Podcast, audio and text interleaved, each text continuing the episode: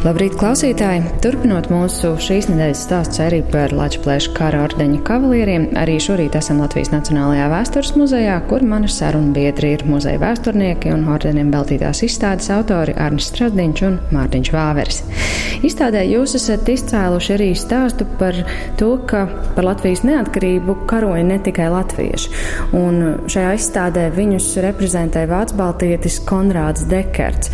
Kas viņš bija? Arni? Konrāds Dekerts bija viennozīmīgi spilgta, ļoti kolorīta un eh, netradicionāla eh, personība.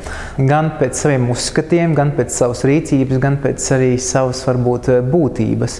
Viņš nāk no Iršu pagasta, kur Vācu Hiršenhofas kolonijā skolotāja ģimenē, vairāk nekā četru bērnu ģimenē dzima, auga, ieguva labu izglītību Maskavā un Pirmā pasaules kara gados iestājās Krievijas impērijas armijā.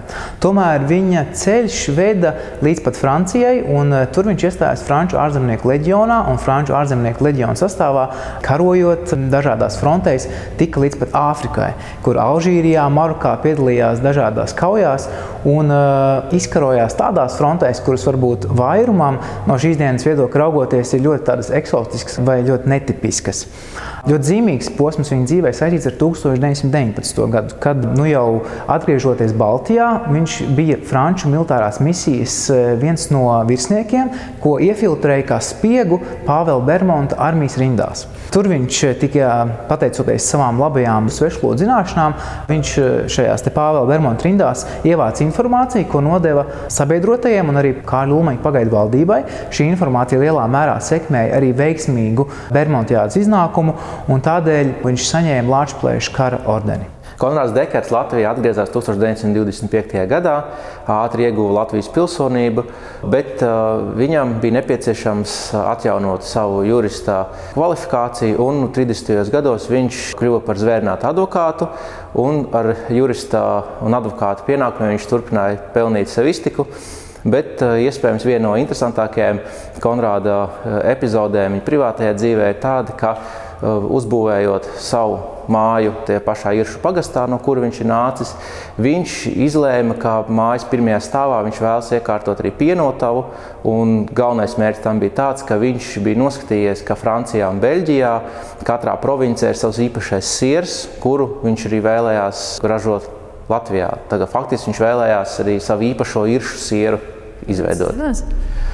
Nu, tā informācija ir eh, no ģimenes dažāda. Pilnīgi simtprocentīgi apstiprinājumu tam mēs neesam ieguvuši, bet vismaz pienotāt tur, turpināja darboties arī padomu okupācijas gados. Vai viņš kā Baltijas 30. gadu beigās arī pamet Latviju? Viņam bija iespēja eh, doties prom, bet eh, viņš šo iespēju neizmantoja. Viņš bija ļoti liels krievu un franču kultūras cienītājs. Un mazliet nenovērtējot to, ka Padomju Savienībā esošā vara ir stipri mainījusies, un varbūt pārvērtējot to, kā šī vara varbūt 40. gadā varētu attiekties pret šeit vietējiem iedzīvotājiem, viņš tādēļ arī palika šeit Latvijā. Un, uh, arī ģimenē bija viedoklis, ka mājas un Latviju nevajadzētu atstāt, vajadzētu palikt, vajadzētu sagaidīt to situāciju un reiķināties ar to, kas notiks tālāk. Viņš saprata to, ka Iespējams, viņa zināšanas un prasmes būs noderīgas jaunajai varai, kas nāks 40. gadā, bet, diemžēl, viņš uh, rūkti kļūdījās, jo jaunā vara viņu represēja. Kopā ar meitu Tatjanu viņu arestēja. 41. gadā, 42. gadā Konrāds izsūtījumā arī mirra. Cik daudz vispār starp Latvijas kara ordeņa saņēmējiem ir citu tautību pārstāvji, kur arī cīnījās par Latviju? Un par kādiem nopelniem viņi saņēma šo ordeni?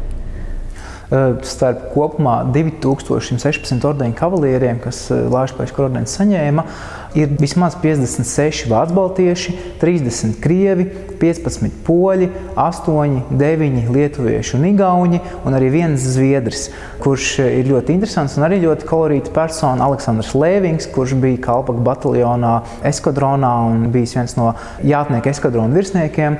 Viņa kolorītā personība ir saistīta arī ar lielu piedzīvojumu kāri, jo viņš 30. gados vēlējās atbraukt ar motociklu apkārt pasaulē, taču tika tikai līdz Eģiptei un tur arī palika palika un septiņus gadus nodzīvoja, rakstot regulāri dažādas piedzīvojumu stāstus un sūtot uz Latviju. Par ko šie citu tautību pārstāvji ir saņēmuši Latvijas kara ordeni?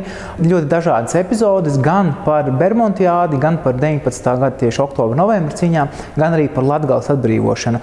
Kā arī vairums vāciešu ir saņēmuši arī par Rīgas atbrīvošanu 1919. gada māja nogalē.